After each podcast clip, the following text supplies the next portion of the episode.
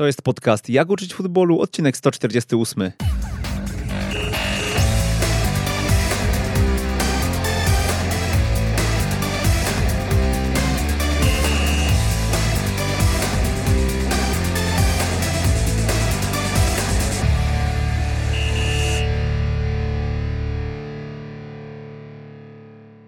Jak uczyć futbolu 148 przy mikrofonie Przemysław Mamczak. Witam serdecznie, witam po krótkiej przerwie, bo e, emitowaliśmy ostatnie odcinki e, nagrane podczas trenerskiego meetupu we Wrocławiu, ale wracamy do regularnego nadawania e, i wracamy mm, zaczynając od wizyty na Górnym Śląsku, no trochę od tego Górnego Śląska głównego chyba, a konkretnie Śląs do Śląskiej Okręgówki zawitamy sobie dzisiaj, bo jest ze mną trener Unikalety, e, trener Tomasz Sobczak. Cześć Tomek. Cześć.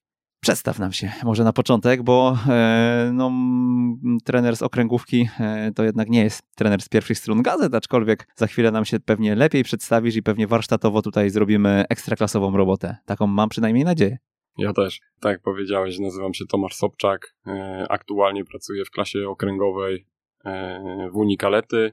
Pracuję też w Akademii Wiktorii Częstochowa z juniorem A1 Wcześniej, e, jeśli chodzi o akademię, pracę z młodzieżą, pracowałem przez 5 lat w Akademii Rakowa Częstochowa. Ostatnio też e, sezon e, w Akademii Zagłębia Sosnowiec. Mm, jeśli chodzi o niższe ligi, Unia Kalety jest moim siódmym klubem, w którym pracuję. Pierwszy klub to była Pogoń Blachownia. Pogoni jestem wychowankiem. Tam rozpoczynałem swoją pracę z seniorami, Pracowałem jeszcze na poziomie klasy, bo to była klasa na poziomie klasy w, w Sokole Wręczyca Wielka. Później dwa kluby e, na poziomie klasy okręgowej, e, Lot Konopiska i Wiktoria Częstochowa. Ostatnio dwa kluby na poziomie czwartej Ligi Śląskiej, Polonia Poraj i Przemsza Siewierz. Aktualnie, tak jak mówiliśmy, Unia Kalet. I poprzez te barwne nazwy właśnie sobie e, będziemy przechodzić. Pewnie nie będziemy odtwarzać e, szczegółów swojej pracy w danym miejscu, natomiast doświadczenia związane z niższymi ligami dzisiaj będą, e, będą chyba najistotniejsze. A na początek zapytam Cię, dlaczego mówią o Tobie, że jesteś trenerem od obrony? Bo ja bardzo lubię obronę, bardzo lubię tą fazę i, i bardzo lubię bronić, a rozpoczę, rozpoczęło się to od od tego, że byłem obrońcą. E, grałem jako środkowy obrońca, jako boczny obrońca i mogę powiedzieć, że, że uwielbiałem bronić i miałem z tego bardzo dużą satysfakcję.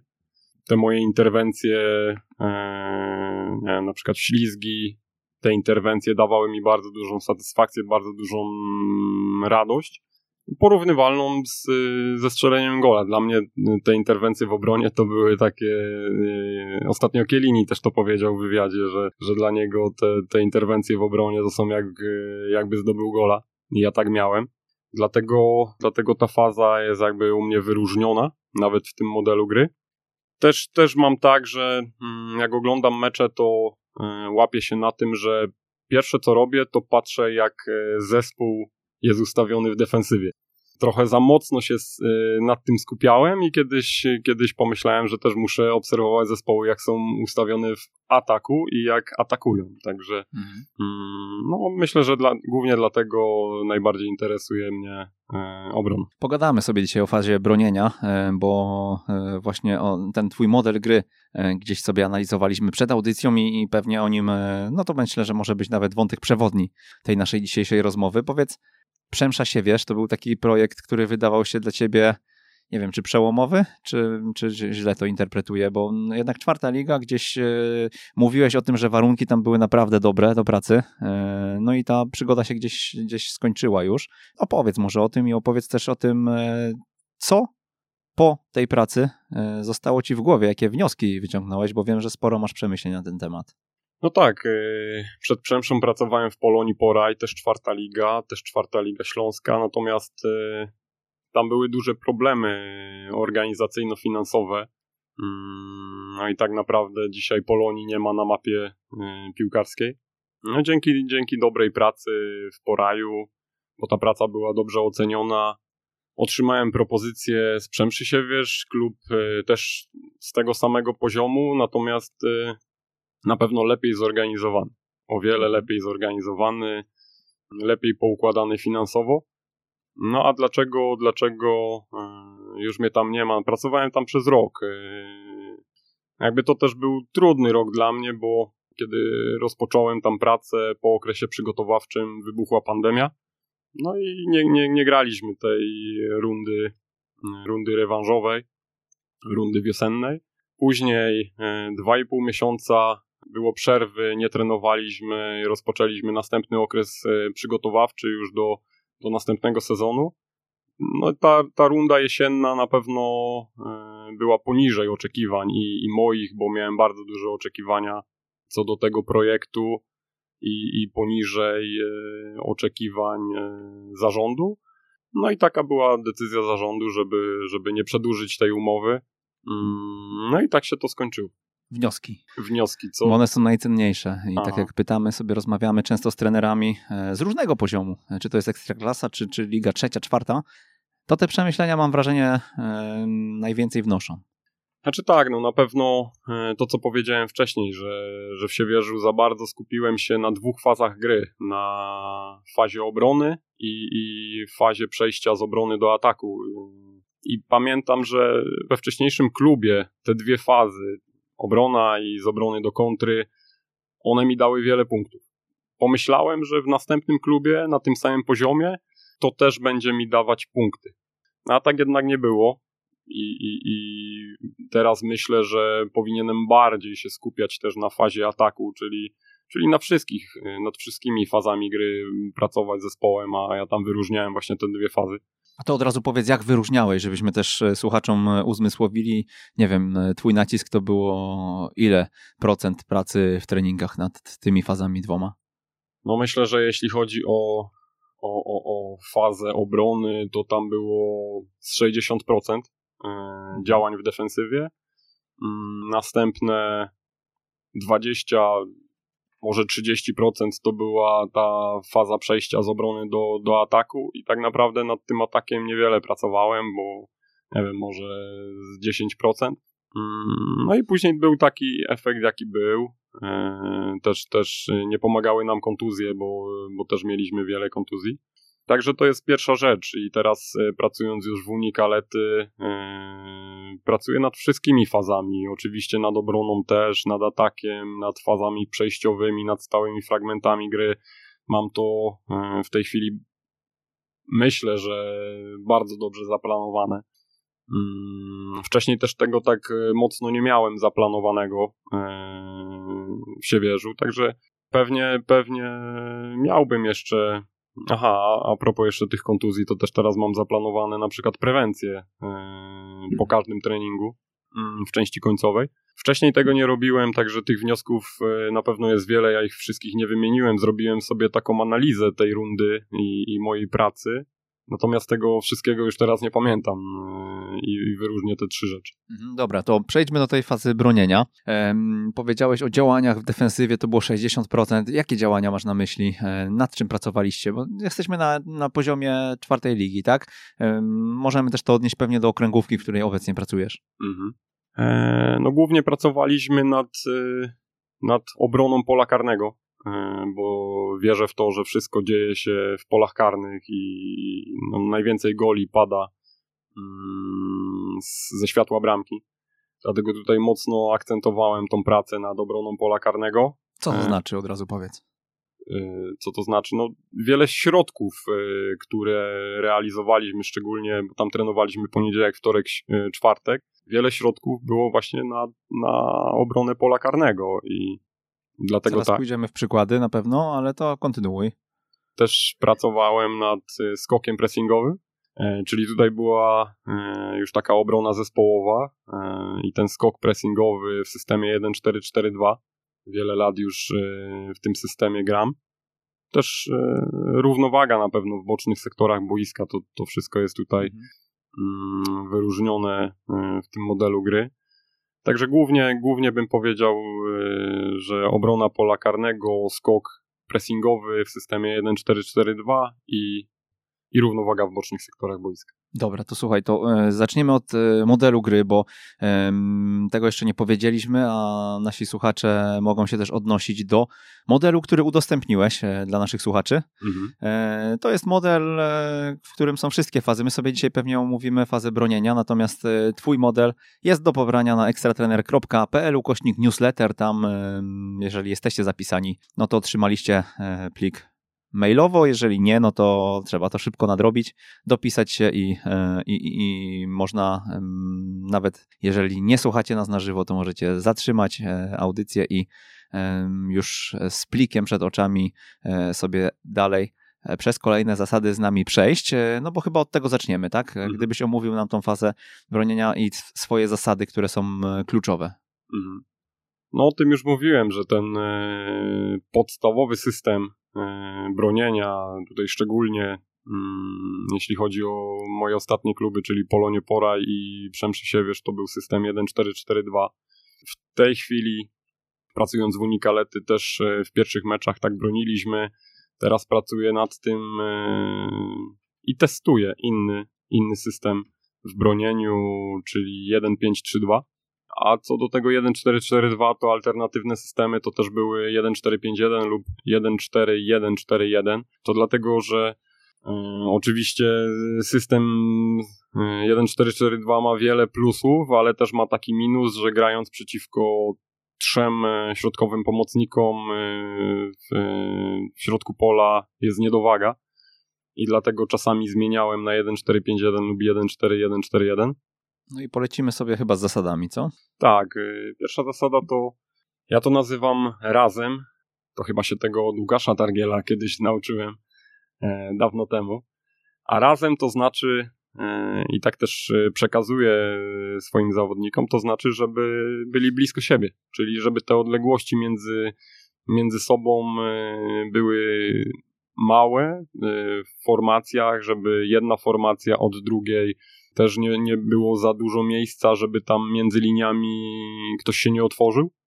No i żeby nie podawali piłki między nas. Oni mogą podawać piłkę w tył, y, czyli nasi przeciwnicy mogą podawać piłkę w tył, mogą podawać piłkę w boczne sektory boiska, natomiast priorytetem dla mnie w, w tej zasadzie jest, żeby nie podali między nas. I też mm, z tym jest związana następna zasada, że jeśli wykonają podanie między nas, to, to równa się to pressing, czyli jeśli y, przeciwnicy wykonają podanie między linię pomocy, to ta linia pomocy ma się cofnąć i wykonać pressing od razu na zawodniku z piłką.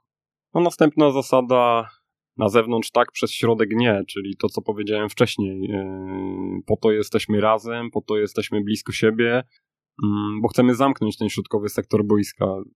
Ze środkowego sektora boiska, czyli z tego światła bramki, pada najwięcej goli, czyli dlatego chcemy go bronić, yy, bronić tej bramki. I chcemy ukierunkowywać te podania w boczne sektory boiska. Tutaj też wa ważna zasada. Wcześniej tego, wcześniej tego nie wiedziałem, wcześniej o tym nie mówiłem, ale w Unikalety już yy, informuję o tym zawodników, że na przykład zawodnik 7-11, czyli ci skrzydłowi, biegną w boczny sektor boiska dopiero w momencie podania. Oni nie mogą, a, a pamiętam, że w Siewierzu na przykład yy, się tak działo, że, że biegli w boczny sektor boiska jeszcze nie było podania, a już biegli i otwierali, Otwierali środek środek. I, Mhm. i, I to jest ważna zasada, e, żeby biegli w, ci skrzydłowi czy boczni obrońcy w boczny sektor boiska dopiero w momencie podania. No to jest myślę mały taki detal, ale, ale istotny, tak? Tak, to, I też to fajna uwaga. To dla zawodników, prawda? A powiedz jeszcze, mm, zanim pójdziemy dalej w te zasady kolejne, e, to ja bym chciał może, nie wiem, odnieśmy to do boiska i do tego, jak, jak wprowadzałeś to, żeby realizować, bo to wiesz, z perspektywy nawet tego kompaktu e, Mhm. i tego, żeby nie przechodziła piłka między nami, no to myślę, że każdy chciałby to wdrożyć, natomiast e, jak to zrobić? Może Znaczy- jakieś przykłady kilku środków albo coś takiego? Znaczy pier, pierwsza podstawowa sprawa to poinformować o tym zawodnika, tak? Bo, Mhm. bo ci zawodnicy o tym nie wiedzą, tak jak ja, y, nie wiem, rok temu nie byłem tego świadomy, to, to ci zawodnicy z poziomu niższych lig, tutaj mówię o klasie okręgowej czy, czy, czy czwartej lidze. Ale mówisz o tym podaniu, momencie podania. Tak, tak, Okej. mówię o tym, Mhm. y, żeby nie otwierać tego środka pola. To oni po prostu tego nie wiedzą, tak? I, i nikt im wcześniej tego nie powiedział, czyli podstawowa sprawa to, to powiedzieć. Yy, ja też tutaj rozmawiamy o fazie obrony, to przed jednym z treningów zaprezentowałem tą fazę obrony i te zasady mm, zawodnikom.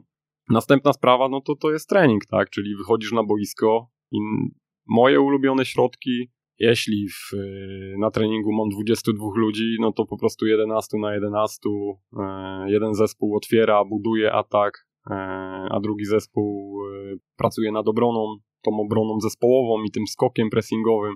No i wtedy wtedy jakby już e, pracujemy nad tym na boisku i, i, i, zwracam uwagę chłopakom, bo wiadomo, oni mają swoje nawyki, oni, oni chcieliby wcześniej już pobiec, jeszcze nie ma podania, a oni już tam biegną. Ale to poza skrzydłowymi, gdzie jeszcze jakieś takie tipy możesz nam tu podrzucić, jeśli chodzi o odniesienie do pozycji boiskowych? Mhm. No, Co jeszcze podpowiadasz komu? Następna rzecz w tym, bo mówimy tutaj o systemie 1.4.4.2, mhm dwie dziewiątki, które bronią. No też moment podania, jakby tutaj za chwilę do tego dojdziemy, ale to też są momenty do skoku pressingowego. Moment podania od środkowego obrońcy do środkowego obrońcy, żeby oni nie wykonywali wcześniej tego skoku, tylko w momencie podania. I, i, i tu jest też ważna rzecz, ważna zasada, że kiedy jeden, e, jedna z tych dziewiątek wykonuje presję, to druga ma ją asekurować. E, ta dziewiątka też ma, e, która wykonuje presję, atakować zawodnika z piłką frontalnie, czyli nic nie, nikogo nie zabiegać, tylko e, od środka, bo tam jest ustawiony od środka e, wykonywać presję na tym zawodniku. Po to, żeby e, właśnie mm, piłka powędrowała w boczne sektory, a nie przez środek, tak? Dokładnie. Mhm. No okej, okay, to lecimy dalej z zasadami. Następny punkt, y, czy zasada, no to to jest y, dla mnie oczywiste, nie dla każdego. Mm, asekuracja w obronie. Mhm. czyli tworzenie trójkątów, asekuracji, tworzenie struktury w obronie. E, na przykładzie powiedzmy, że dziewiątka ma piłkę i jest y, w strefie niskiej y, naszego, na, naszej połowy, to jeden ze stoperów, jeśli to już jest taka odległość, z której może uderzyć, jeden ze stoperów musi do niego wybiec z tej strefy. No i boczny obrońca i drugi środkowy obrońca muszą, muszą go zaosekurować, czyli to I się zawęzić, nazywa. tak? Tak, zawęzić. E, ten drugi boczny obrońca też musi zawęzić, tak żeby bronić tej bramki, tak? Czyli być między piłką a bramką. No i to się nazywa trójkąt asekuracji. Jest jeszcze struktura w obronie, czyli strukturą w obronie nazwalibyśmy, kiedy pod tym trójkątem asekuracji byłby jeszcze jeden zawodnik, który, który by asekurował z dołu. Mhm. No dobra, a powiedz jeszcze, mówiłeś o równowadze e, w bocznych sektorach. Tak, równowaga w bocznych sektorach, nawet ostatnio straciliśmy tak bramkę i to, był, to była analiza po meczu. W środę mieliśmy trening w czwartek i też e, to był taki trening po meczu, trening regeneracyjny, bo w sobotę był następny, następny mecz e, i też miałem trochę czasu, także zapytałem chłopaków, co tutaj widzicie, dlaczego, dlaczego straciliśmy gola. Nie chciałem jakby dawać im odpowiedzi, chciałem, żeby oni sami poszukali, chciałem też zobaczyć, jak oni to rozumieją, te zasady w obronie. No, nie wiedzieli, ale za chwilę im mhm. powiedziałem, że słuchajcie, zobaczcie, tutaj Stradą Częstochowa, z którym graliśmy mm, w bocznym sektorze ma trzech zawodników, a nas jest czterech. W tej zasadzie, w tej zasadzie to jest najważniejsze, że w bocznym sektorze boiska, jeśli jest trzech zawodników przeciwnika, to nas też powinno być trzech. Jeśli będzie jeden, to powinien być jeden. Jeśli będzie dwóch, to dwóch. No, żeby była zawsze, zawsze równowaga, bo jeśli tej równowagi tutaj nie będzie, a będziemy mieli przewagę, czyli tak jak w meczu ze Stradomiem było nas czterech, a ich trzech, to gdzieś nas będzie brakować. I za chwilę było podanie w środek, tam zabrakło, bo obo, e, dwóch moich środkowych pomocników pobiegło w boczny sektor, było podanie w środek, tam nie było ani jednego środkowego pomocnika. No i z tego straciliśmy e, gola. Bardzo prosty błąd. Natomiast warto, e, tak jak powiedziałem, najpierw uczyć tego chłopaków, ich o tym poinformować, po drugie przetrenować to na boisku, a po trzecie, jeśli popełnią taki błąd, czy nawet zrobią dobrze, to pokazać im to na analizie, żeby oni to zobaczyli. No dobra, no to powiedz jeszcze mi, jak e, poza tą grą e, uczysz tych zasad, bo mm, powiedziałeś o grze 11 na 11, czyli rozumiem, że zatrzymujesz, coachujesz, e, dyskutujesz. Mhm. E, ale czy są jeszcze dodatkowo jakieś wprowadzone strefy, sektory, mm, ograniczasz jakieś działania zespołu jednego czy drugiego, żeby wyeksponować te zachowania, których oczekujesz? No na pewno tak, jeśli, jeśli chodzi o bycie razem i, i zamykanie tego środkowego sektora boiska, którego możemy stracić gola, to mówię chłopakom, żeby byli, bo wyróżniam, y, czy wyróżnia się pięć y, takich y, sektorów na boisku, czyli boczne sektory, prawy, lewy, środkowy sektor boiska i półprzestrzeń. Mm, no ja im mówię, żebyśmy byli razem, żebyśmy byli w środkowym sektorze i w półprzestrzeniach. Mhm. Że te, jeśli piłka będzie na środku, my jesteśmy w fazie obrony. Czyli do granicy pola karnego tak jest, tak? tak jest, żebyśmy byli blisko siebie i, i tak ich ograniczam. E, no i to myślę, że, że takie proste zdanie, prosta zasada i to dobrze wygląda. Mhm. Powiedz mi w takim razie, jeżeli e, no, myślę, że opowiedziałeś już, e, jak byś chciał bronić, ale gdybyś miał teraz e, mi odpowiedzieć, co się dzieje w bocznych sektorach, jeżeli przeciwnik tam kieruje swoje ataki, bo tak, ty go do tego zachęcasz mm -hmm. swoim ustawieniem, tak? tak? Twój zespół go do tego zachęca. No i teraz, jak pracujesz nad tym, żeby no właśnie nie okazało się, że z tych dośrodkowań będzie poważne zagrożenie z perspektywy dwóch rosłych napastników u mm -hmm. przeciwnika? Znaczy tak, no tak jak powiedziałeś, no jeśli my skupiamy się na tym, żeby zamknąć im ten środek, no to będą szukać tych podań e, do bocznych sektorów i z bocznych sektorów najłatwiej jest po prostu dośrodkować piłkę w pole karne. No oczywiście na to też jestem przygotowany i na to jest przygotowany mój zespół, czyli obrona pola karnego, tak? E, I to robimy w środkach. Mm, nawet ostatnio sobie odświeżyłem, tutaj polecam innym trenerom stronę Football Espanyol i tam e, są środki treningowe Athletic Bilbao. Dwa świetne środki treningowe, które są pod obronę pola karnego i często, często, często je robię, często je powtarzam. Tutaj jakby kluczem jest e, w tej obronie pola karnego, żeby być w świetle bramki. Ja mam taką zasadę, że w świetle bramki powinno być przy dośrodkowaniu co najmniej czterech zawodników moich. E, chciałbym, bo też e, w tym polu karnym wyróżniam trzy strefy, które bronimy. Pierwsza strefa to jest e, od 5 metra do, do 11 metra i tutaj chciałbym i tak jest w moim modelu gry, że, że powinno być trzech obrońców, dwóch środkowych i drugi boczny obrońca. Mm, następna strefa jest od 11 do 16 metra i tam powinna być szóstka i ósemka, czyli dwóch środkowych pomocników. I trzecia strefa przed, przed polem karnym od 16 metra. A to mówimy w momencie dośrodkowania. W momencie dośrodkowania. Mhm. Od, od 16 metra e, tam powinna być dziesiątka, drugi skrzydłowy. Hmm. Chociaż jak rywale wyżej podchodzą, no to też ta szóstka, ósemka muszą też być obniżone chyba, co? E, czy, czy nie wbiegają za przeciwnikiem wtedy? Mm, jak wyżej podchodzą? Nie no jeżeli, bo mu powiedziałeś o czterech zawodnikach, tak? E, tak? Między piątym a jedenastym metrem, no ale jak tam będziemy mieli sześciu przeciwników e, Aha. w tej strefie, no to robi nam się niebezpiecznie. Tak, natomiast no, no nie pamiętam takiego meczu, żeby sześciu przeciwników biegło w nasze pole karne. Tak, no wiadomo, no, sześciu może być przy na przykład dośrodkowaniu z rzutu wolnego mhm. czy dośrodkowaniu z, z rzutu rożnego. No to wtedy wiadomo, że, że, że, że Czyli masz na być... myśli bardziej tutaj jakiś tam szybki atak y, z perspektywy rywala niż, niż y, oblężenie twojej bramki, czyli dośrodkowanie, wybicie znowu e, na skrzydło i znowu próba. Taka tak, no... polska Szwecja, to, to nie. Czy, może być y, to dośrodkowanie po szybkim ataku, może być też kiedy jesteśmy w obronie niskiej, także na myśli mam przede wszystkim to.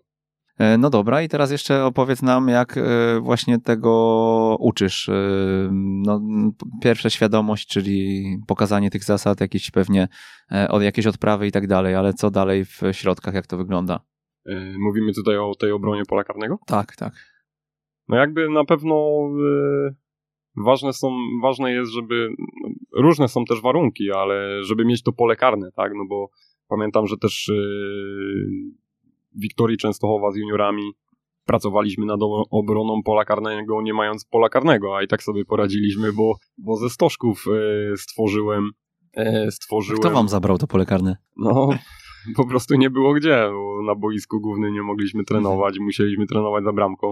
I po prostu wtedy no, ze stożków e, ustawia się piąty metr, ustawia się jedenasty metr, szesnasty, tak żeby, żeby chłopaki e, jakby wiedzieli do, do, do którego miejsca mają zbiegać.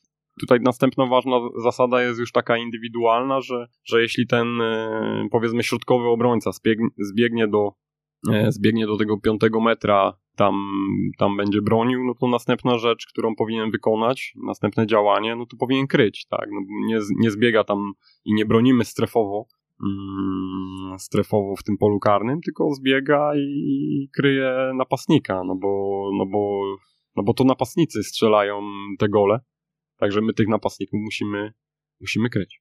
No dobra, i powiedz jeszcze mi, e, to jest fragment gry jakiś? E, tak, we fragmentach. Jaki przykład? Jak to się rozpoczyna? Mhm. Taki środek? No tak, jak już jesteśmy, w, wiesz, fazę tą końcową wiemy, jak mhm. powinna wyglądać, już ci środkowi obrońcy wracają, kryją i tak dalej. Mhm. E, wiemy, gdzie mają być ustawieni e, w mhm. tym zespole, no ale jakie tam, jakie tam są e, liczby nawet uczestników tego środka? Jeden boczny obrońca, dwóch środkowych, drugi boczny, czyli pięciu na pięciu.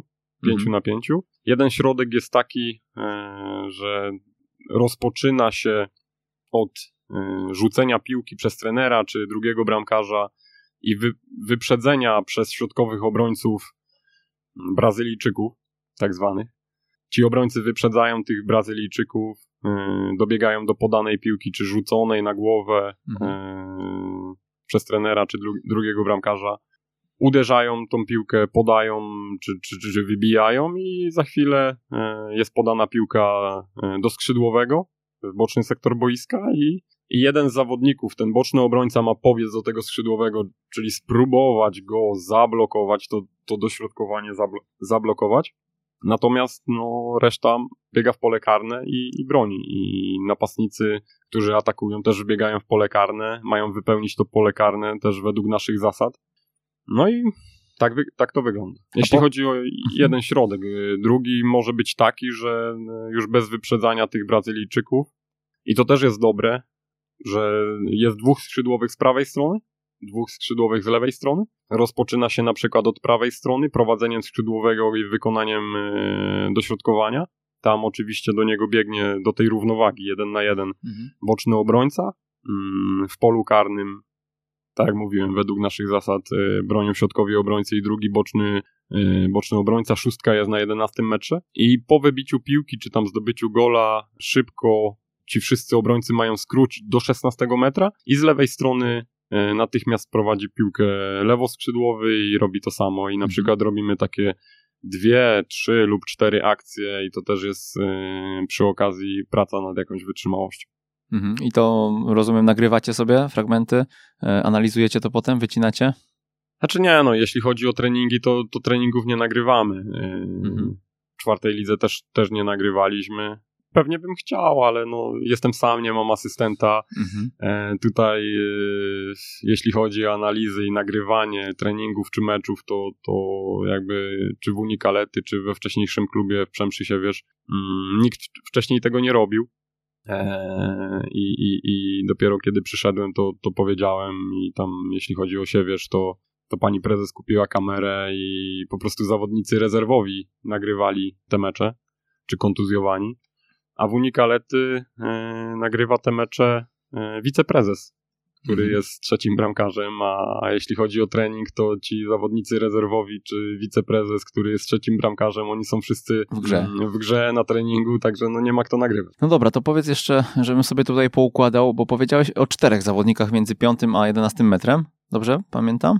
Między piątym a jedenastym metrem. Powiedziałem, że czterech powinno być co najmniej w świetle bramki. W świetle bramki, czyli kto jest tym czwartym, bo rozumiem, że do dośrodkowania wybiega na przykład dwójka, tak? Albo tak. trójka. E, czyli mamy skrajnego obrońcę drugiego z drugiej hmm. strony, plus dwóch środkowych na pewno i co, szóstka też wycofuje no, do, do tej strefy?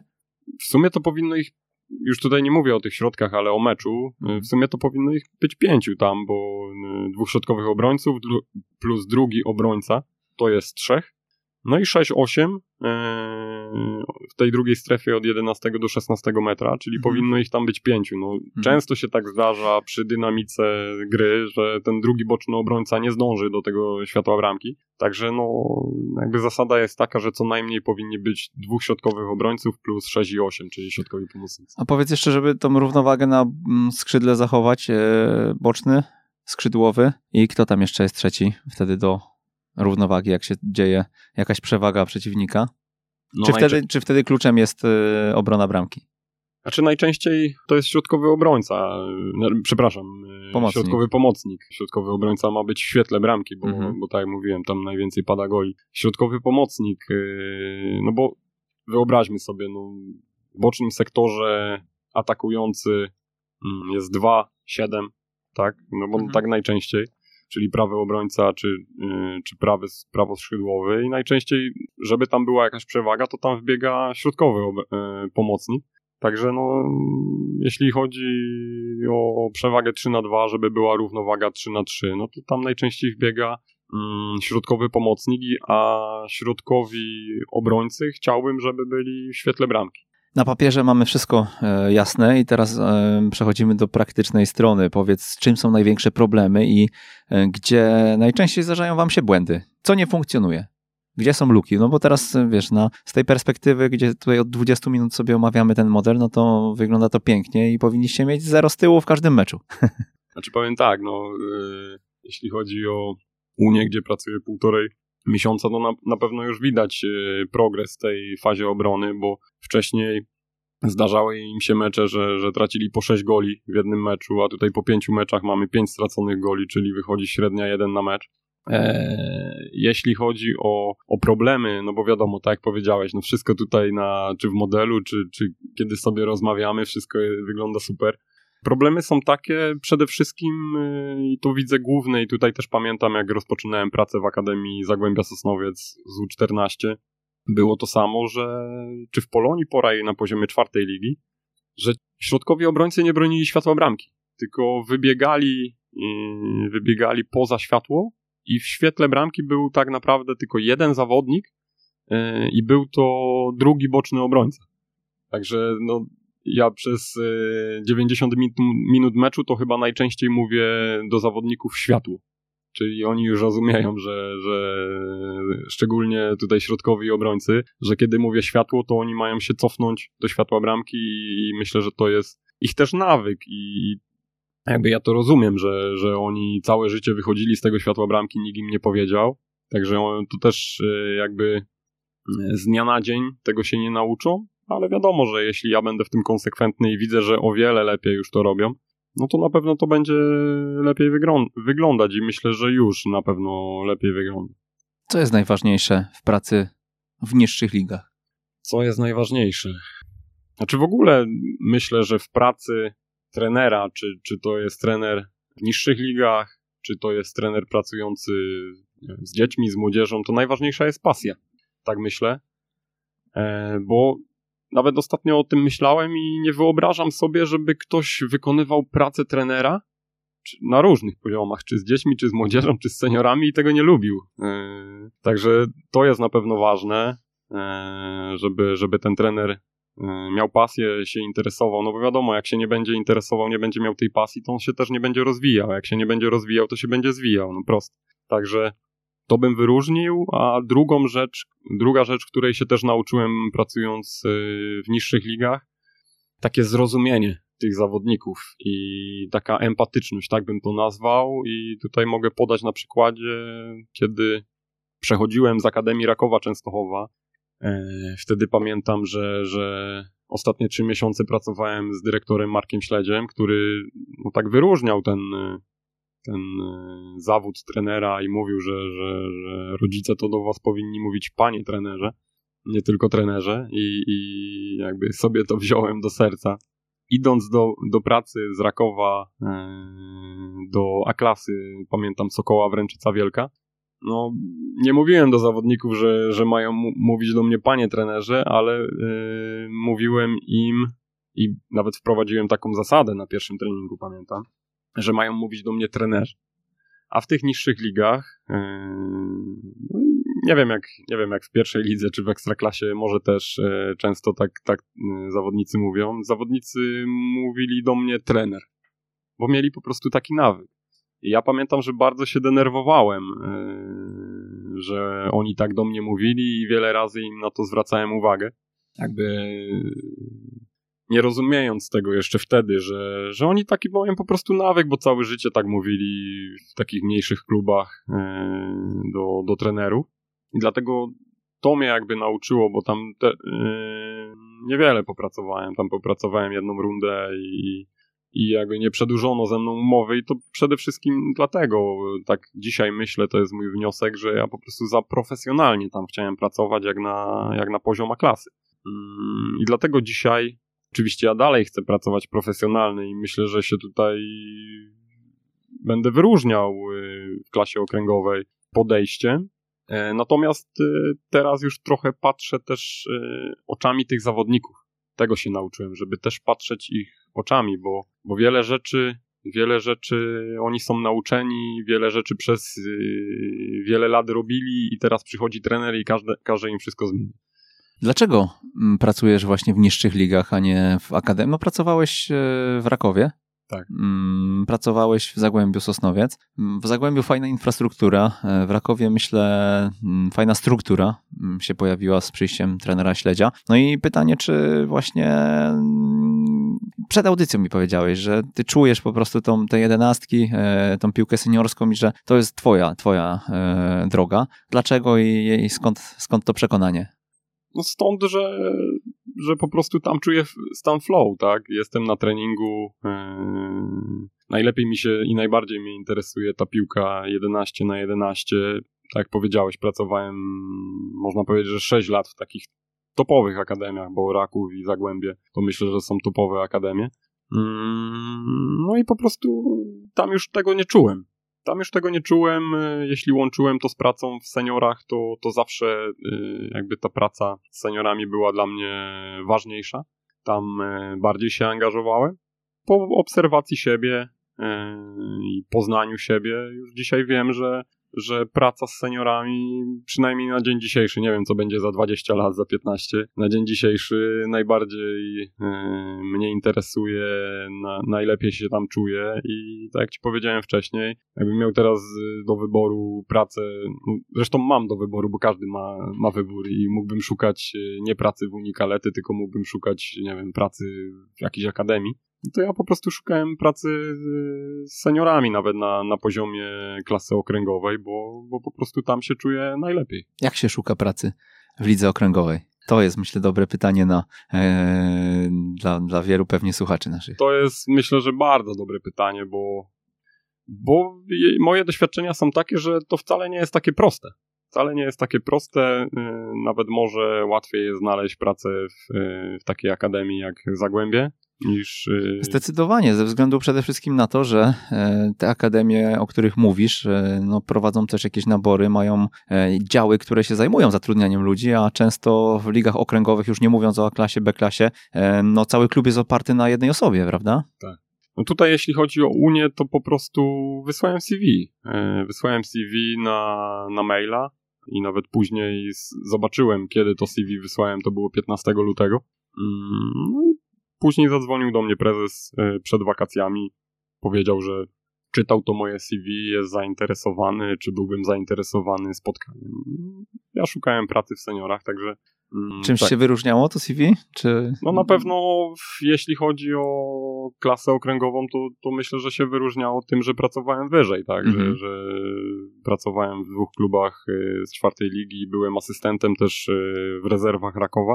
To tym się na pewno wyróżniało. I tutaj wracając jeszcze do Twojego pytania, e, jakby ja tej pracy szukałem, e, można powiedzieć, że pół roku, bo pamiętam, że kiedy nie przedłużono ze mną umowy w Siewierzu, po dwóch tygodniach otrzymałem propozycję z czwartej ligi łódzkiej z Warty Działoszyn E, natomiast y, pracowałem wtedy jeszcze w, w Akademii Zagłębia Sosnowiec i z Sosnowca do Działoszyna było 115 km w jedną stronę. To było niemożliwe, żeby, żeby to pogodzić. No i szukałem tej pracy i, i myślę, że najwięcej dało po prostu jeżdżenie na mecze. Jeździłem na mecze, obserwowałem mm, zespoły, jakby poznawałem zarządy, poznawałem prezesów, oni poznawali mnie, bo tak naprawdę mm, gdybym, gdybym tego nie robił, to w wielu klubach do dzisiaj by nie, wie, nie wiedzieli, kto to jest Tomasz Sobczak. Y, mhm. A dzięki temu, że, że jakby interesowałem się tymi klubami, to, to dzisiaj wiedzą, mają mój numer telefonu i gdyby byli, y, może kiedyś jak ktoś będzie szukał e, trenera, no to, to, to, to może kiedyś zadzwoni. Chociaż to jest też zawsze pewnie um, z perspektywy takiej cefałki, którą wysyłasz na maila, e, wiedząc, że inny trener w tym czasie tam pracuje, e, trochę niekomfortowe, nie? No niekomfortowe, ale ja już tego doświadczyłem w Siewierzu, e, gdzie... Też podsyłali. Tak, inni. gdzie ja pracowałem i... nie, nie bez skrupułów. I tutaj w tym zawodzie mogę powiedzieć, że nie ma skrupułów. Ja pracowałem i, i wielu trenerów czy dzwoniło, czy też wysyłało Także tak to po prostu wygląda w tym zawodzie i czy nie wiem jak w wyższych ligach, ale pewnie, pewnie jest podobnie. Tomek, gdzie się kształcisz? Czym się inspirujesz? Bo no, praca na poziomie okręgówki możesz podchodzić profesjonalnie do niej, ale ona jest specyficzna. Tak, jest e, specyficzna i tu nawet widać różnicę między czwartą ligą a klasą okręgową.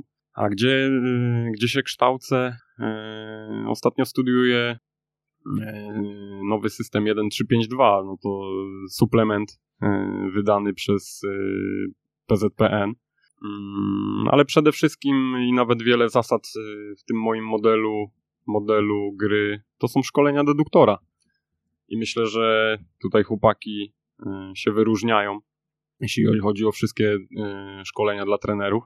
Ja zawsze tylko jeśli, jeśli mam czas, jeśli mogę, to chętnie uczestniczę i tutaj chyba najwięcej się nauczyłem. Następna rzecz, no to jest też środowisko to jest bardzo ważne, żeby, żeby mieć e, środowisko trenerów, z którymi można porozmawiać, zadać pytanie. I tu na pewno tym dla mnie środowiskiem jest Łukasz Tomczyk, z którym aktualnie pracuję w Wiktorii. Który gościł u nas? Podobnie jak ekipa deduktora, bo z deduktorem też realizujemy studia rozumienie gry. Tak, także tutaj zawsze się mogę o coś zapytać, czy, czy, czy mi w czymś pomoże. Też z deduktora Łukasz Targiel, E, do którego też w tym tygodniu dzwoniłem i rozmawialiśmy o różnych systemach gry. Także no to jest bardzo ważne, żeby, żeby mieć środowisko, mieć kogoś, e, kogo można zapytać, e, jeśli się ma jakieś pytanie. Na pewno tutaj też mogę polecić asystenta trenera, z którym współpracuję i do którego napisałem już w sumie pięć artykułów. Mhm. A powiedz jeszcze, jakie książki byś polecił trenerom piłki nożnej? okej, okay, jeśli chodzi o książki, no to e, no te, te co to, co powiedziałem na pewno. 1352 system, jeśli kogoś to interesuje, fajnie to jest opisane. E, ja dopiero studiuję tą książkę. E, jak, jak atakować w tym systemie, jak bronić. Ale bardziej pewnie bronić. Znaczy, studiujesz. Tutaj, tutaj i, i, i atak też studiuję, bo i nawet dzisiaj będziemy nad tym, nad tym pracować na treningu. E, no bo tak jak mówiłem, no to też jest ważne, trzeba mieć jakiś pomysł na strzelenie tego gola. E, druga książka to też suplement, który wziąłem sobie ostatnio na wczasy, e, przygotowanie psychologiczne, którym można na przykład o stylach zarządzania przeczytać. Ja bardzo lubię czytać książki o rozwoju osobistym. I świetna książka, którą ostatnio przeczytałem, to jest Fenomen Poranku. Hala Elroda. Jest tam opisanych sześć takich działań, które można wykonać. Nie wiem, czy czytałeś. No, Miracle Morning, tak? Tak. Kojarzę. Które Nie można... czytałem całej tej, ale, ale to jest koncepcja, która się tam przewijała w wielu miejscach i myślę, że e, poznałem ją dzięki temu już mm, dosyć dobrze. Tak, także tutaj jest sześć e, takich działań, które można wykonać z rana, które no, zmienią zmienią cały dzień. A Przywołasz jeśli... szybciutko te sześć działań, to od razu podrzucimy e, tym, którym, którzy nie lubią jest, czytać. Pierwsze działanie to jest świadoma cisza, i, czyli na przykład medytacja lub e, modlitwa. Ja nie powiem wszystkich, jak tam są po kolei, ale na pewno jest tam czytanie, to drugie działanie, trzecie pisanie, czwarte wizualizacja, piąte afirmacja i szóste Szóste nie wiem. Jakieś nie aktywności fizycznej tam nie ma czasami? E, ćwiczenia. Nie mówiłem tego? Nie. To ćwiczenie. I ważne jest chyba tutaj też to, że mm, to nie musi trwać wszystko po 45 minut, tylko mm, dostosowujemy do swojego poranka, prawda? Czyli jeśli jesteśmy w biegu, musimy z dziećmi do przedszkola o 7 wyjechać, to budząc się o tej 6 możemy na każdą z tych czynności poświęcić po 10 minut. Albo minutę. Nawet tam jest polecone, żeby... żeby zacząć od minuty, tak. Zacząć od minuty. Mhm. To jest trzecia książka. Czwarta też bardzo lubię i to też jest takie na czasie.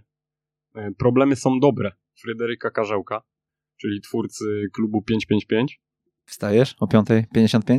E, często oglądam, często oglądam. E, Ale z odtworzenia pewnie. Nie, nie, staję. Jesteś na żywo? Okay. Mam taki nawyk, że, że chodzę wcześniej spać, spać, czyli około 22 i około 6 wstaję. Także często oglądam i się inspiruję. A co do tej książki, problemy są dobre.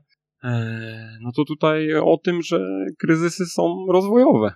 I tutaj e, to, o czym rozmawialiśmy, wnioski po, po przemszy się, wiesz, e, ja mam tych wniosków tyle, ja dzisiaj wymieniłem trzy tylko, wyróżniłem, ale ich jest o wiele więcej i ja dzisiaj wiem, że po tej pracy, po tym czasie jestem o wiele lepszym trenerem i lepiej przygotowanym do, do swojej pracy. To jest y, czwarta książka i piąta to nie jest książka, ale tutaj jeszcze raz y, polecę asystenta trenera, czasopismo, które co, co dwa miesiące wychodzi, w którym można znaleźć moje artykuły. Trenerze, czy wiesz, że każdego miesiąca w ramach Szkoły Trenerów Online spotykamy się na szkoleniach online z trenerami, których słyszysz w jak uczyć futbolu? Najciekawsi goście z największą wiedzą do przekazania przekazują ją regularnie. E, przekazują ją e, w formie wykładów, w formie warsztatów, e, a osoby uczestniczące w szkoleniach otrzymują też prace domowe do realizacji na kolejne dni. 10 godzin szkolenia, dostęp do niego przez kolejne 14 dni. Jeżeli chcesz poznać szczegóły, zapraszamy na ekstratrener.pl ukośnik STO. No dobra, to teraz jeszcze cię zapytam o metodologię Kervera, bo w każdym e, miejscu, gdzie jesteś opisywany w jakiś sposób e, w internecie znalazłem taką informację, że jesteś licencjonowanym trenerem Polish Soccer Skills i Kervera. Mhm. Co z tych metodologii najbardziej cenisz i yy, co wdrażasz może w niższych ligach też? Bo zaraz przejdziemy też do treningów indywidualnych, które prowadzisz. Mhm. No tutaj jeśli chodzi o Polish Soccer Skills, to na pewno najbardziej cenię znajomości. I to też e, można powiedzieć, że to jest moje środowisko, bo, bo dzięki tym znajomościom, jak na przykład z Maćkiem Szymańskim, którego poznałem w Poliszu, byłem na stażu w Legii Warszawa i nawet miałem kiedyś, wiele lat temu, propozycję z Akademii, kiedy tam pracował Maciek. E, byłem na stażu w Ruchu Chorzów, gdzie, gdzie e, Łukasz Bereta mm, był trenerem, a też go poznałem na Poliszu. Stasiek Szpyrka, Grzesiek Zmuda, no to są wszystko ludzie, których e, poznałem tam, czyli to na pewno wyróżnia. A jeśli chodzi o Kerwera, korzystam z Kerwera, korzystam e, szczególnie w treningach indywidualnych, bo jeśli chodzi o niższe ligi, to, to nie za bardzo. Mm, w treningach indywidualnych, szczególnie jeśli mam e, treningi z młodszymi kategoriami, z młodszymi dziećmi, powiedzmy od 2011 w dół, to jakieś balmastery, y, małe gry, 1 y, na 1, 2 na 2, 3 na 3, to, to wykorzystuję w swojej pracy na treningach indywidualnych. Na czym polegają twoje treningi indywidualne, powiedz w takim razie? No tutaj y, jakby podzieliłbym te, te treningi na treningi dla starszych kategorii, czyli tutaj na przykład mam reprezentanta Śląska U14, którego, którego prowadzę. I to są bardziej takie treningi pozycyjne, czyli to jest akurat dziewiątka. Pracujemy nad, y, nie wiem, czy, czy prowadzić, czy podać, y, nad wykonaniem jakichś zwodów, czy na przykład z, z wodem iniesty, prowadzeniem do skupienia, uderzeniem, jakimiś uderzeniami mhm. sytuacyjnymi, czy, czy łapaniem szerokości względem obrońcy. To są takie bardziej treningi pozycyjne. A tak jak powiedziałem, no jeśli chodzi o młodsze kategorie 2011 y, i, i młodsze, to, to bardziej nauczanie techniki poprzez y, te balmastery i, i, małe gry. Nie brakuje ci tutaj takiej decyzyjności właśnie w tych środkach, bo mm, no, powiedziałeś o tych konceptach, które realizujesz ze starszymi. Hmm. Wiadomo, on musi podjąć decyzję, prawda? I ona jest kluczowa, hmm. mam wrażenie, w tych, w tych jakichś tam dodatkowych środkach nawet. E, czy właśnie u dzieci uważasz, że te mm, ballmastery, które, które już taką, no inaczej, ballmastery to nie jest kerwer, to nie tylko ballmastery, tak? I Mhm. to też trzeba podkreślić, bo w kerwerze jest e, sporo środków, szczególnie z tymi e, bramkami czterema, to jeden na jeden, gdzie tam naprawdę jest intensywnie i, i, i, i można to przełożyć też na treningi, czy indywidualne, czy nawet grupowe. Natomiast, natomiast no jest często podkreślany ten aspekt cyrku na boisku i skakania nad piłkami, prawda? Mm, No pytanie, jak, jakie są twoje doświadczenia w tym zakresie? Znaczy tak, no jeśli chodzi o Ballmastery, to tylko i wyłącznie w części wstępnej, na Mhm. rozgrzewkę. To po pierwsze. Po drugie, mówiłeś o tej decyzyjności, no są różne środki, jest y, wiele tych bramek, tak, y, powiedzmy są cztery bramki, gra jeden na jeden i tutaj też jakby staram się przemycać tym dzieciakom, przemycać im rozumienie gry, czyli na przykład y, dlaczego prowadzisz y, do tej bramki, gdzie jest obrońca, jeśli masz jeszcze do wyboru trzy inne, y, także tak to rozwiązuję. Mhm. Dobra, powiedz e, jeszcze odnośnie tych treningów e, indywidualnych, na twoje spojrzenie na indywidualnych e, jednostki indywidualne czy zawodników. Nie, trudno nie zapytać o Mateusza Musiałowskiego. Mhm. Dzisiaj Liverpool. Prowadziłeś go, prawda? Tak. Kacper Trelowski, Raków. Tak. Również, e, nie wiem, twój wychowanek, możemy powiedzieć, jakie tam były relacje? Jeśli chodzi o Kacpra, to e, no, no myślę, że mogę tak powiedzieć, że, że jest moim wychowankiem. Oczywiście nie tylko moim, bo miał wielu innych trenerów e, w Akademii Rakowa, ale prowadziłem go przez dwa lata i tutaj jeśli chodzi o Kacpra, to, to jest bardzo ciekawa historia z nim związana, bo kiedy ja go prowadziłem, powiedzmy, że miał około 10 lat i wtedy w, w tym zespole, w tym roczniku Kacper i tak jak Mateusz są 2003 rocznik, Mm, Był trzecim bramkarzem. E, A przecież niedawno zadebiutował w Ekstraklasie w barwach Rakowa. Ja tego meczu nie oglądałem, ale trener bramkarza Rakowa mówił mi, że wypadł bardzo dobrze. A w wieku 10 lat był trzecim bramkarzem, no i ja wtedy nie powiedziałbym, że, że Kasper w wieku jeszcze nie miał 18, e, 17 lat, e, zadebiutuje w Ekstraklasie. W tej chwili jest na zgrupowaniu mm, reprezentacji Polski do, do 19 lat. To też pokazuje, że nie powinniśmy chyba wyciągać pochopnych wniosków, prowadząc 10-12-latków. Dokładnie, yy, dokładnie, bo yy, drugi bramkarz, pierwszy bramkarz dalej jest bramkarzem, który wtedy był pierwszym bramkarzem, dalej jest bramkarzem, broni w rezerwach Rakowa, a drugi bramkarz gra w polu. Yy, Pamiętam yy, Michał, Michał Wrubel z Opola, to też jest yy, bardzo fajna z nimi związana, z nimi, bo, bo miał też brata, miał, ma Maćka Wrubla, Maciek już zadebiutował w pierwszej lidze w barwach Odry Opole. Yy, Natomiast Michał yy, był bramkarzem, a dzisiaj yy, jest zawodnikiem z pola. W sumie nie wiem na jakiej pozycji gra, ale i jest w kadrze Hutnika Kraków, który jest w drugiej lidze. A tutaj jeszcze wracając do Mateusza, bo o niego zapytałeś, no to na pewno się wyróżniał. Nawet pamiętam jego pierwszy trening na Rakowie. Pamiętam, że na ten trening się spóźnił, przyprowadziła go mama. Pamiętam, że w tej grupie było bardzo dużo dzieciaków, tam około 30 i, no i był młyn na treningach, także tym bardziej, że to były dzieci dziewięcioletnie. Pamiętam, że on się spóźnił yy, i to był też taki okres, kiedy dużo tych dzieci dołączało do tego zespołu i często dołączały takie, które nie umiały grać, tak, w tym wieku.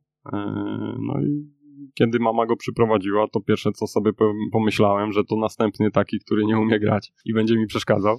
No ale powiedziałem, że w porządku, proszę go zostawić i już po pierwszych kontaktach było widać, że, e, że Mateusz jest dobry i umie grać. E, Może od razu nie, nie było widać takiego dużego potencjału, no ale po, po kilku treningach, po kilku meczach czy tam turniejach to było widać.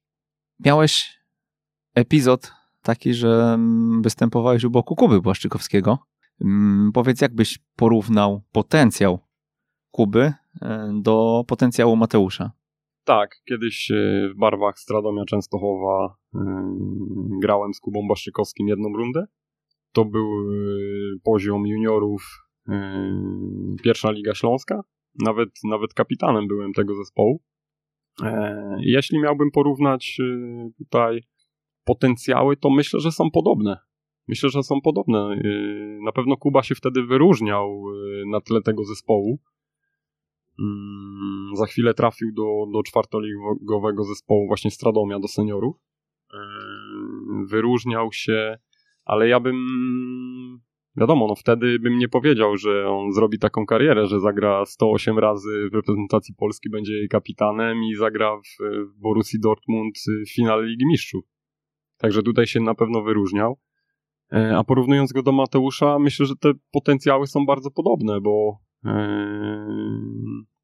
oni też są jakby podobni. E, Kuba niski, Mateusz w sumie go już trochę nie widziałem, ale też nie był jakimś gladiatorem. Mm, oboje bardzo dobra technika. Bardzo dobra technika, bardzo dobry dribbling. I jeden i drugi, mam to przed oczami, Kuba brał piłkę i jechał i dryblował dwóch, trzech. Y, Mateusz to samo. Brał piłkę, jechał, y, dryblował dwóch, trzech. Na pewno tutaj, jeśli chodzi o Mateusza, bardzo duży potencjał, a czy i porównywalny do Kuby Błaszczykowskiego. A czy, mental? Jeśli chodzi o mental, e, no na pewno Mateusz, nie wiem jak dzisiaj, bo, bo tak jak mówię, no dawno już e, z nim nie rozmawiałem, ale był bardziej takim dzieckiem introwertycznym. Mhm czyli e, tam miał kolegę, jednego, dwóch, trzech, z nimi bardziej tam rozmawiał, nie był jakąś e, duszą towarzystwa. Mm, no ale na pewno pracowity, tak? Pracowity, już e, jakby od dziecka e, wie, wie, czego chce, jego rodzice tego e, też, te, też to wiedzą. Także myślę, że będzie ok. Co powinien mieć młody zawodnik, e, a czego często nie ma i brakuje mu w momencie wejścia na etap seniorski? No na pewno to, co powiedziałem, no musi być pracowity. Tym, e... Ale z Twoich doświadczeń, wiesz, Ty pracowałeś też w akademiach, e, to przejście. No, ten moment jest często podkreślany przez trenerów, że on jest najtrudniejszy, z juniora do seniorów. To czego brakuje też? Brakuje pracowitości, Twoim zdaniem? Pracowitości mo może nie. E, ja bym tutaj powiedział ty powiedziałeś to przejście z, z juniorów do seniorów i, i na moim, jakby z mojego doświadczenia wynika, że to jest inna dyscyplina, ja tak mówię. E, gra w juniorach, e, nawet na, na wysokim poziomie, a gra w seniorach, nawet na poziomie czwartej ligi, to jest dla mnie inna dyscyplina i, i czego, czego tu może brakować? E, myślę, że, że, że, że na pewno ci zawodnicy czasami za szybko rezygnują za szybko rezygnują, bo e, no bo idziesz z juniorów, jesteś wyróżniający, myślisz, że, e, że, że tutaj też będziesz, idziesz nawet do czwartej ligi. E, myślisz, że tutaj też będziesz, a nie jesteś, a na przykład trafiasz na ławkę rezerwowych, bo, no bo no, poziom jest wysoki. I tutaj często rezygnują, też często tym chłopakom brakuje pokory, bo oni myślą, że na przykład są w Akademii Rakowa Częstochowa, czy są w Akademii Zagłębia Sosnowiec i oni myślą, że, że nie wiem, czwarta liga, trzecia liga, nie, ja od razu pójdę do pierwszej, no, no tak to życie nie wygląda i dopiero jak oni trafiają do tej seniorskiej szatni, to, to poznają to życie. To czego my jako trenerzy, e, jak możemy zmienić to, żeby im ułatwić wejście no jeśli ja miałbym e, doradzać, to, to myślę, że jak najwcześniej ci zawodnicy powinni trafiać, wyróżniający się oczywiście, bo nie każdy trafi do tych seniorów. E, jak naj, najwcześniej powinni trafiać na, do Nawet seniorów. do okręgówek, do czwartej ligi, czy jak to widzisz?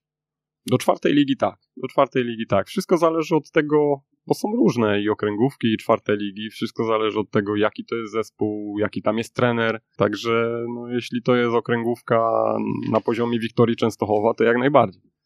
Także myślę, że jak najwcześniej powinni trafiać. Ja nie mówię, że od razu mają grać całe mecze, ale jeśli się wyróżnia jakiś 15-16 latek, to niech idzie na trening, e, niech zobaczy, jak to wygląda z seniorami, z silniejszymi od siebie fizycznie, e, często z zawodnikami, którzy mają podobne umiejętności, bo, bo na poziomie czwartej Ligi Śląskiej to grają zawodnicy, którzy się wyróżniali którzy się wyróżniali w swoich akademiach, a to, to nie są jakieś, na Śląsku nie są słabe akademie, tylko jest pełno tych dobrych i, i do, takich czwartej, do takiej czwartej Ligi Śląskiej często trafiają właśnie wyróżniający się zawodnicy, nawet z przeszłością jakąś reprezentacyjną w, młodzie, w młodzieżowych reprezentacjach, trafiają do czwartej Ligi Śląskiej.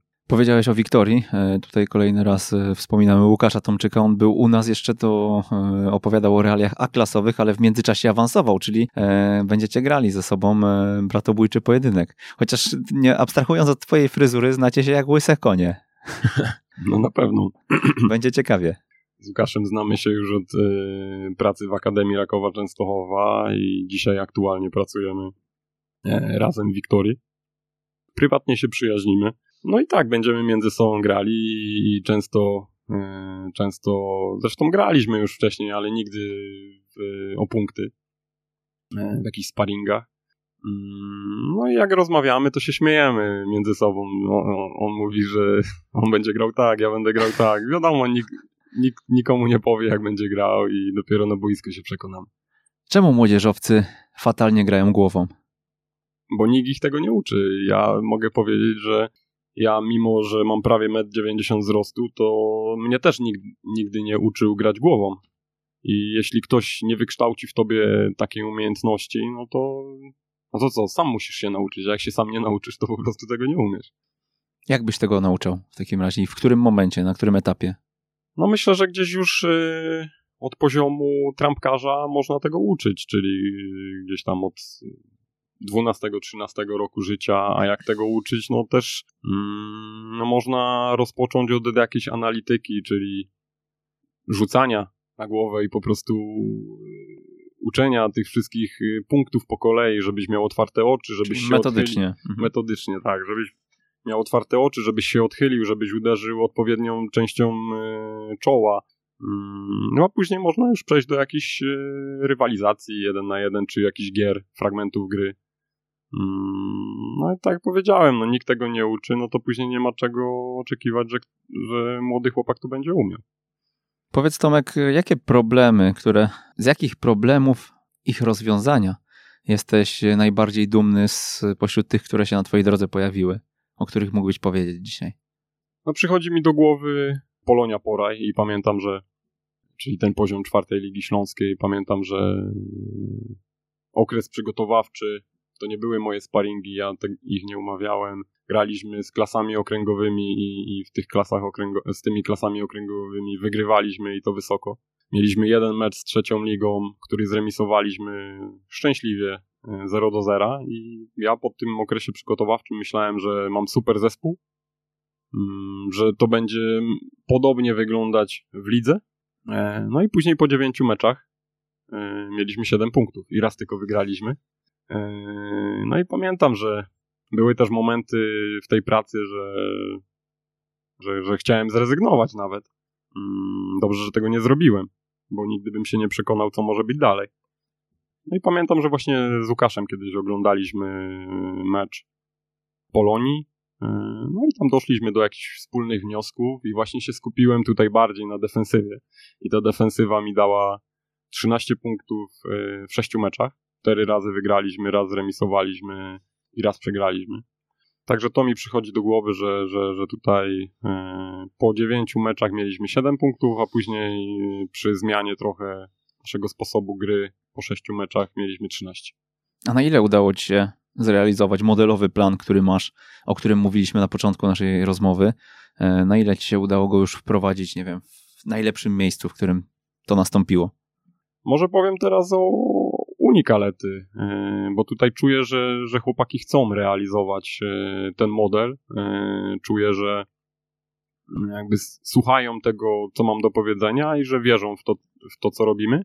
I wiadomo, że no, to jest półtorej miesiąca mojej pracy i że, że wiele jeszcze przede mną, bo, bo myślę, że dopiero na wiosnę ten zespół będzie grał tak, jak, tak jakbym chciał, ale, ale tutaj to jest najważniejsze, żeby bo ty możesz mieć swój model, możesz mieć swój pomysł na, na, na grę, na rozwiązanie meczu, jakiś plan na mecz, ale jeśli zawodnicy nie będą chcieli tego realizować, a też, też tego doświadczyłem, yy, to, to nic z tego nie będzie. Także to jest dla mnie ważne i z tego się cieszę, że, że tutaj chłopaki czuję, że wierzą yy, w to, co robimy i że chcą realizować ten plan.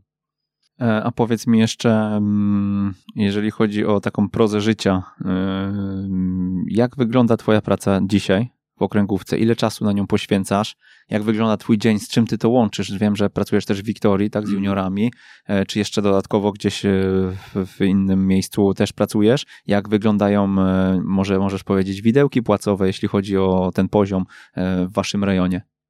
Jeśli chodzi o wynagrodzenia, to, to powiem o moich trzech ostatnich klubach, bo wcześniejsze to były dość dawno.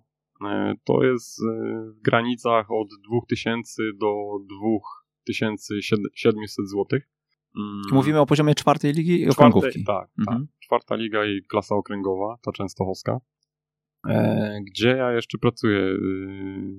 Unia Kalety, Wiktoria Częstochowa i treningi indywidualne, czyli Aha, można okay. powiedzieć, że ja tylko przy piłce pracuję. 100% trener. Mhm. Tak. Nie wiem, jakie jeszcze było, bo tam było kilka o twój, o twój dzień, no A, ale to okay. zakładam, że po prostu e, jest to miks treningów e, indywidualnych i, i drużynowych, prawda? Analizy, jakieś inne kwestie. Znaczy tak, znaczy tak, e, ja to sobie podzieliłem, bo trzy treningi i mecz mam w Unikalety, trzy treningi plus mecz mam w Wiktorii Częstochowa i sobie podzieliłem to tak, że pracuję 7 dni w tygodniu, ale najczęściej tylko jeden y, dzień, dzień, dzień mam taki, że mam dwa treningi w Wiktorii i w Kaletach, a tak to mam jeden trening y, albo w Kaletach, albo w Wiktorii y, i w weekend w sobotę mecz w Kaletach i w niedzielę mecz w Wiktorii i ja to świadomie zrobiłem, bo mogłem nie wiem, zrobić sobie dwa treningi w ciągu, w ciągu dnia, ale, ale wiem, że trening to też jest energia. I, i już tego doświadczyłem wcześniej, jadąc y, z treningu w y, Zagłębiu Sosnowiec do, do Przemszy Siewierz, że po prostu no, ta energia też jest i bateria w ciągu dnia ograniczona i, i dlatego mm, chcę być jak najlepiej przygotowany do każdego z, z, tych treningów, dlatego najczęściej mam jeden trening dziennie, już tutaj nie mówię, nie, nie rozmawiamy o treningach indywidualnych. Tak, tutaj mm, to jest logistycznie pewnie e, często jest łatwiej pogodzić trening po treningu, tym bardziej jak się pracuje w jednej szkółce, ale, ale ta energetyka jest e, ważna, ona jest na pewno inna i to e, szczególnie jak się zajęcia po zajęciach realizuje, ta druga grupa, no niestety nie dostaje już nas w 120%, tak jak byśmy chcieli. A powiedz jeszcze, jakie są, jakie spotkałeś największe problemy w tych niższych ligach i przed czym musisz przestrzeć osoby, które gdzieś w te niższe ligi celują, bo myślę, że też jest wielu osób, które, które chętnie e, podjęłyby się takiej pracy jako doświadczenie właśnie e, w zetknięciu z piłką seniorską. No to, to co już powiedziałem na przykładzie pracy w A-klasie, że, że nie można za bardzo być panem trenerem w tych klasach niższych, bo, bo chłopaki nie są po prostu tego nauczeni i że trzeba jakby znaleźć z nimi wspólny język. I tutaj myślę, że ten wspólny język w Unikalety z chłopakami mam i, były pewne rzeczy. Oczywiście są pewne rzeczy, na które się nie zgodzę, ale są też pewne rzeczy, na które się zgodziłem, bo, bo wiedziałem, że tak, że tak wcześniej było i tutaj na przykład mam, chciałem trenować, e, jeśli chodzi o mikrocyk, chciałem trenować wtorek, środa, piątek, sobotę mecz, tak żeby zrezygnować, e, bo dzielę mm, ten tydzień na blok regeneracyjny, blok e, kształtujący i blok e, ostrzenia. Chciałem zrezygnować z tego bloku regeneracyjnego. Chciałem dać dwa dni wolnego chłopakom i to byłby ten blok regeneracyjny, kiedy oni na pierwszy trening przyszliby zregenerowani po meczu. No ale i, i tak rozpoczęliśmy te, te treningi wtorek, środa, piątek, ale chłopakom nie odpowiadał ten trening piątkowy. I oni zawsze tam trenowali poniedziałek, środa, czwartek i, i powiedziałem, ok, jeśli, jeśli wam to odpowiada, e, mimo że ja miałem zaplanowane inaczej, jeśli wam tak odpowiada i wy zawsze tak trenowaliście, to w porządku, niech tak będzie.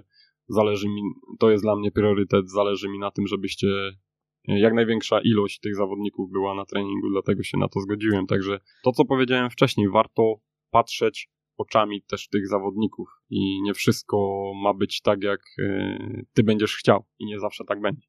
Trzy rady, jak być dobrym trenerem w okręgówce. No na pewno to, co mówiłem już wcześniej, no pasja. Pasja to jest podstawowa sprawa. Bez tego nie będziesz dobrym trenerem na poziomie okręgówki, nie będziesz dobrym trenerem na poziomie orlików. Jeśli się tym nie będziesz interesował, to się nie będziesz rozwijał. Także to jest pierwsza rzecz. Druga, to, co mówiłem, to też jest bardzo ważne, żeby być tym empatycznym, patrzeć oczami zawodników. I trzecia, dobrze jest mieć zaplanowaną pracę. I dzisiaj mogę powiedzieć, że ta moja praca jest yy, zaplanowana, pewnie ten plan jeszcze się będzie zmieniał i on, się zmienia w sumie yy, z tygodnia na tydzień, bo z tygodnia na tydzień jakby planuję te mikrocykle, bo różnie mamy mecze, czasami gramy co trzy dni, czasami gramy w piątek, czasami gramy w sobotę, ale planowanie też jest bardzo, bardzo ważne, nawet na poziomie klasy okręgowej. W którym momencie stwierdziłeś, że zostaniesz trenerem? Pamiętam, że mm, moja koleżanka kiedyś zaproponowała mi, pracowała w e, e, świetlicy środowiskowej dla, dla, dla takiej trudnej młodzieży i zaproponowała mi, żebym tam przyjeżdżał raz w tygodniu, raz w tygodniu i prowadził trening, bo wiedziała, że ja gram w piłkę, mm, żebym prowadził trening dla tych dzieciaków. No i jeździłem raz w tygodniu, spodobało mi się to, ktoś się dowiedział, że ja takie treningi prowadzę i ktoś mi zaproponował pracę w moim pierwszym klubie, czyli w Orliku Blachownia. No i tak się to rozpoczęło, a, a dlaczego jestem trenerem?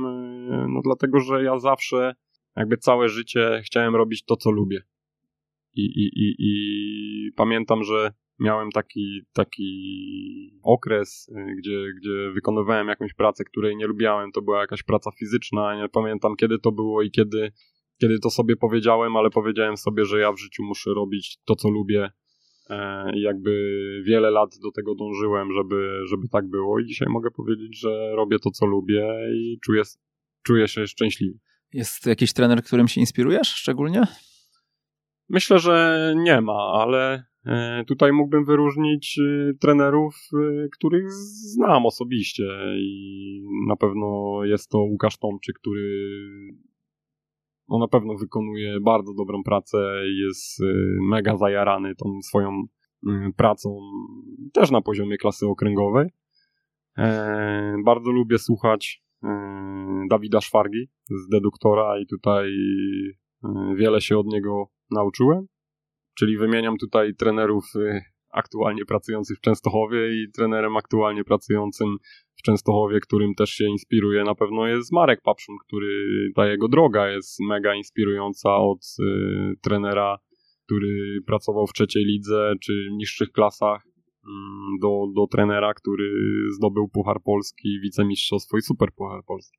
A kto e, miał na ciebie największy wpływ w życiu? Niekoniecznie może z tej piłkarskiej rzeczywistości jeśli chodzi o wpływ. Ja wierzę w takie powiedzenie, że jesteś sumą pięciu osób, z którymi mm, spędzasz najwięcej czasu i tutaj idąc od dzieciństwa, to na pewno moja mama miała na mnie bardzo duży wpływ, tak myślę na, na, na każdego.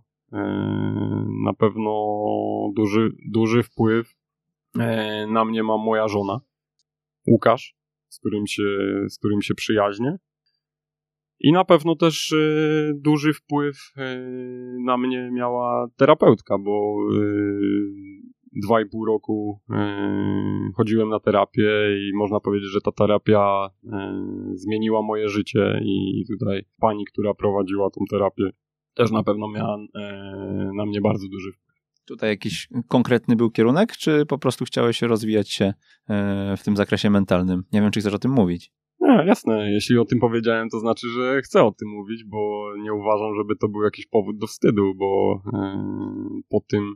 No, wstydu nie, ale to jest intymny jednak temat, nie?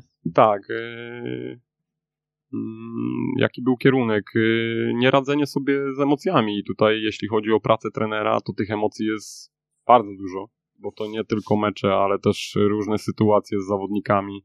Mm, I to kosztuje dużo yy, emocji, także ja sobie z tymi emocjami, można powiedzieć, że kiedyś nie radziłem, nie umiałem ich nazywać, y, nie wiedziałem, jak je rozładowywać. Y, mm, no i można powiedzieć, że po tym dwa i pół roku, dzisiaj, kiedy coś poczuję, czyli powiedzmy nawet, nawet przykład z ostatniego, z ostatniego weekendu, kiedy zremisowaliśmy mecz, a oczywiście zależało nam, żeby ten mecz wygrać.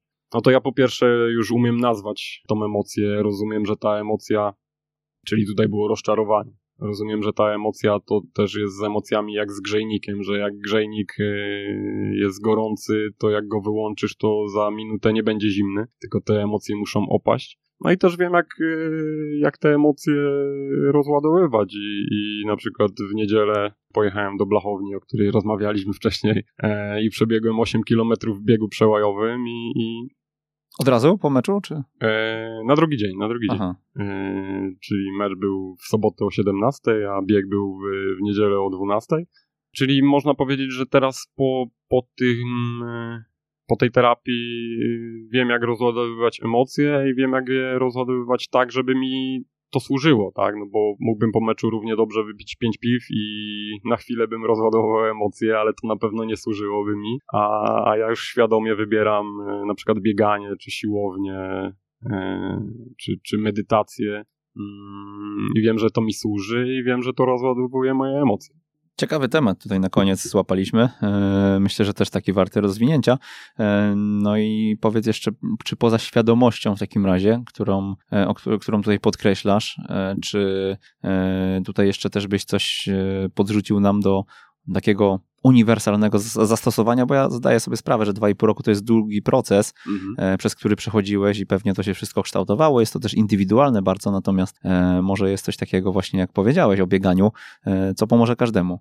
Znaczy tutaj mogę powiedzieć yy, i to myślę, że jest dobra wskazówka dla, dla trenerów, jak wygląda mój dzień meczowy, przynajmniej jak się staram, żeby, żeby wyglądał, yy, bo wiem, że ten mecz to jest dla mnie bardzo dużo emocji, bardzo dużo energii.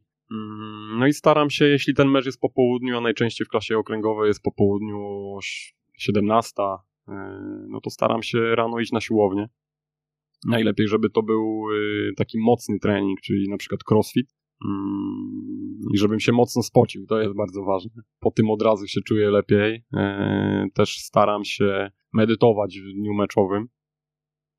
10 e, minut, e, skupić się na oddychaniu. Wiadomo, to nie znaczy, że później pójdę na, na, na mecz i nie będę w ogóle czuł emocji, ale wiem, że będę trochę spokojniejszy na tym meczu i że będę więcej widział i to jest dla mnie klucz. To jest dla mnie klucz, żeby nie być pijany w tych emocjach, bo jak będę pijany w tych emocjach na meczu, to ja chłopakom nie pomogę, bo ja nic nie będę widział. E, a, a jeśli, e, jeśli ja się trochę uspokoję, e, ja będę mógł trzeźwo spojrzeć na ten mecz, to ja będę widział, co nie funkcjonuje, co funkcjonuje, co możemy zmienić, co jest ok, i później merytoryczne jakieś uwagi im przekazać w szatni i dzięki temu na przykład wygrać mecz. Także to bym polecał. Wiadomo, no, to jest indywidualna sprawa. Na mnie działa mocny trening, czyli na przykład siłownia, bieganie i medytacja, żeby na tym meczu być spokojniejszy. Tomek, jakie są Twoje plany, cele, marzenia? Znaczy te plany, cele, marzenia no to są podzielone na prywatne i na, i na zawodowe. Prywatne to, to, to też głównie dzięki mojej żonie i za to jestem wdzięczny. Eee, za trzy, około trzy tygodnie, miesiąc będziemy się wprowadzać do, do, do nowego domu, o którym ja nawet kiedyś nie marzyłem. No na pewno marzeniem tutaj e, prywatnym to jest być ojcem, bo, bo mam już 37 lat i, i w sumie nie wyobrażam sobie nim nie być. Jeśli chodzi o, o, o e, marzenia zawodowe, to tutaj na pewno do zrealizowania jak najbardziej. Poluję cały czas na kurs UEFA Elidiut i prawie codziennie sprawdzam, ale go nie ma. Już sprawdzam ponad pół roku i go nie ma. E, w przyszłości też chciałbym zrobić kurs UEFA Pro, kurs trenera mentalnego, bo, bo, bo mnie to interesuje i rozwój osobisty, i terapia. E, to jest bardzo interesujące. Mm, no i e, chciałbym pracować y, taką metodą małych kroków. Pracowałem już, pracowałem już w czwartej lidze metodą małych kroków. Chciałbym pracować w trzeciej lidze kiedyś, w przyszłości. Ale oczywiście na dzień dzisiejszy pracuję w Unikaletti i Wiktorii Częstochowa i na tym się skupię. Z jakim zdaniem chciałbyś zostawić naszych słuchaczy? To jest takie nawet na Facebooku zdjęcie w tle jest coś takiego, mam tak napisane i mam tak napisane od wielu lat i to jest zdanie, które mm, jakby mam w głowie i myślę, że, że jest bardzo ważne. Każdy jest kowalem swojego losu. To jest zdanie, które zmieniło moje życie, bo dzięki temu ja wiem, że ja jestem odpowiedzialny za, za to, za to, jak moje życie wygląda i wziąłem tą odpowiedzialność za swoje życie yy, i to też mówi mi, żeby być proaktywnym w życiu, bo wiele rzeczy, tak jak rozmawialiśmy, no, gdybym nie wysłał CV do Unikalety, na maila, to prezes Lebek by nie wiedział w ogóle, że Tomasz Sobczak, że ktoś taki jest. Także że to jest ta proaktywność, to jest to budowanie swojego losu. Tomasz Sobczak, Unia Kalety. Wiktoria Częstochowa. I Wiktoria Częstochowa oczywiście. E, dziękujemy Tomek za przyjazd. To był 148 odcinek Jak uczyć futbolu. Przemysław Mamczak. Tomasz Do usłyszenia. Sobczak. Dziękuję. Jeżeli spodobał Ci się ten odcinek i wspólnie z nami chcesz podnosić poziom szkolenia w Polsce, o istnieniu podcastu Jak uczyć futbolu poinformuj jednego znajomego trenera, którego takie treści mogłyby rozwinąć. Z góry pięknie Ci za to dziękujemy i raz jeszcze do usłyszenia.